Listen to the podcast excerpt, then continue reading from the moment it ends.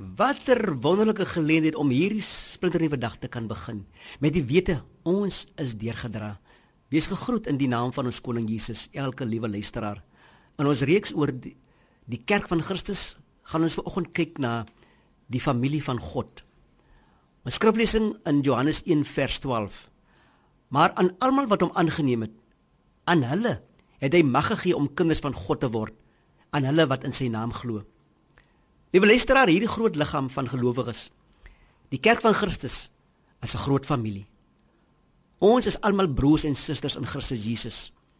Seuns en dogters vir ewig as elkeen van ek en u uitvoering gegee het aan ons voorgelese skrif. Ons hemelse Vader is die almagtige, alvermoënde God. Ons hemelse Heiland is die seun van die lewende God.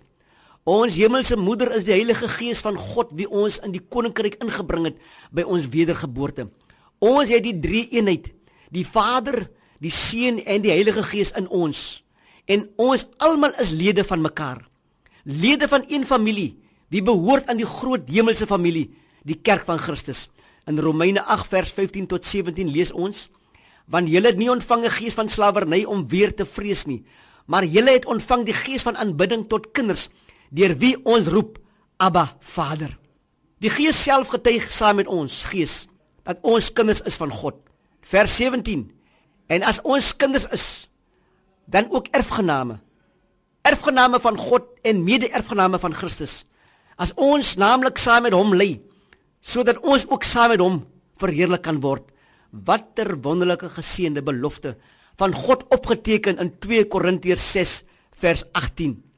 En ek sal vir julle 'n vader wees en julle sal vir my seuns en dogters wees, spreek die Here die Almagtige.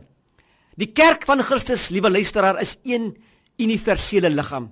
En ons almal wedergeborenes is almal lede van die kerk. Ons het een groot, almagtige en soewereine God wie verhewe bo ons is. Hier sien ons die drie eenheid wie magtig in ons werk en vir die rede kan ons uitroep: Abba Vader.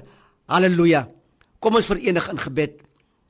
Here, ons wil verander word en ek bid dat hierdie verandering op hierdie oomblik sal begin. Here, ons erken ook dat ons nie onsself op 'n betekenisvolle of blywende manier kan verander nie, maar alle dinge is moontlik deur die transformerende krag van die Heilige Gees. Here, help ons om afgesonder van die wêreld te wees, sonder om daarvan geïsoleer te wees.